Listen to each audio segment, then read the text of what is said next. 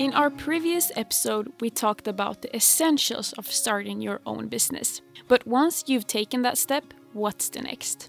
What exactly is VAT and what does accounting truly involve?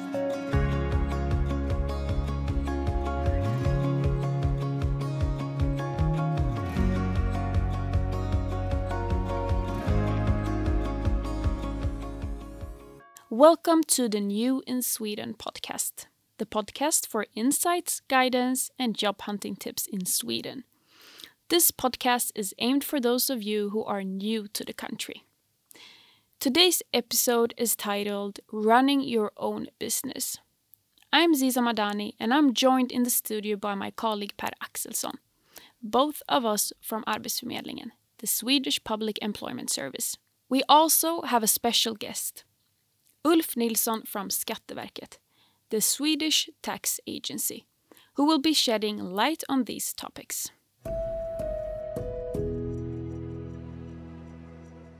Hello, Ulf. Welcome back. Oh, thank you very much. In our last episode, we discussed the registration process for starting a company. However, another crucial registration to be aware of is VAT registration. Could you explain what that is? Well, of course.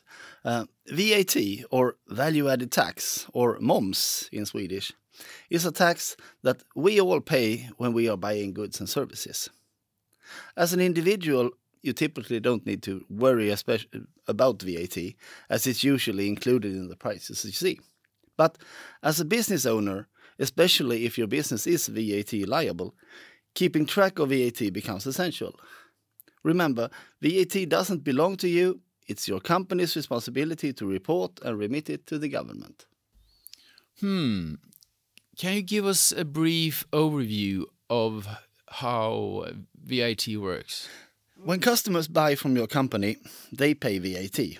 And it's your obligation to transfer that VAT to the government by submitting a VAT return to Skatteverket.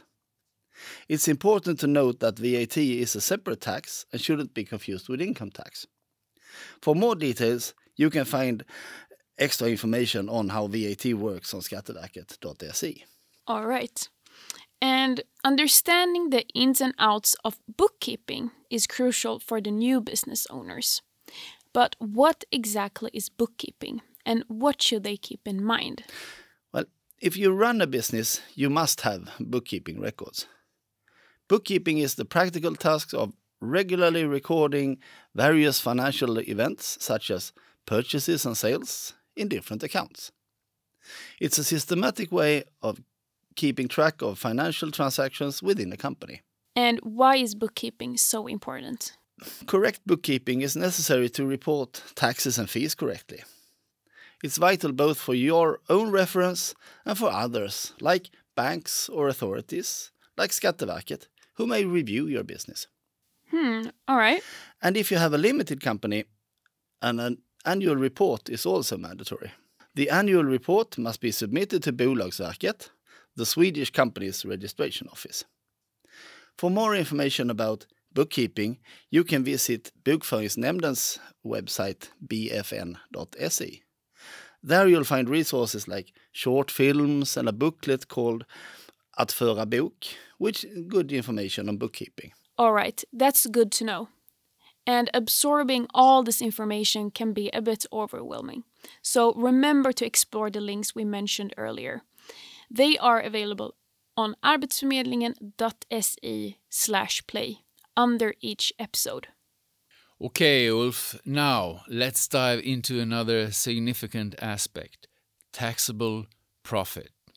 This can be a complex concept so, could you break it down for our listeners? Well, I can try. Uh, to make it really simple, you must declare and pay taxes on your company's earnings. This includes reporting all income generated by your business and making write offs for your costs. Can you tell us more about what counts as revenue? Yeah, revenue typically comes from sales. That is what you get paid from by your customers when you sell goods and services to them. All right. What if I run a business like a food store and take out items for personal use? If you sell food and take goods for personal use, whether it's for yourself, your family, or your friends, you are re required to pay tax as if you sold those goods to a customer. And when it comes to expenses, you can make write offs for items that you need to generate income in your specific business.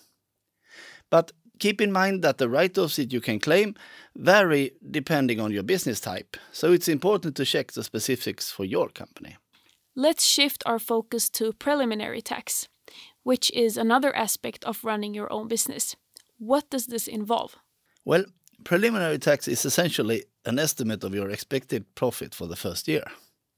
You need to report this estimate to Skatteverket, which then calculates the amount of tax you need to pay throughout the year. You pay the same amount every month. But if you want to change your estimate, you simply notify Skatteverket and we will recalculate a new tax. This is why it's called preliminary tax. So business owners don't need to do the calculations themselves? No, that's right. You don't have to handle the calculations personally. Uh, but it's crucial to pay the preliminary tax by the 12th of each month. If you find that your initial estimate was too high or low, you can adjust the, adjust the amount via Skatteverkets website and you will receive a new tax assessment. Thanks, Ulf, for sharing these insights with our audience today. Oh, you're welcome. It was my pleasure. Do you have any last tips to add? Yeah, I would like to add one more thing. Uh, if you want more information about starting a business in Sweden, we actually have special webinars on skatteverket.se in English for your help. So just go in there and participate.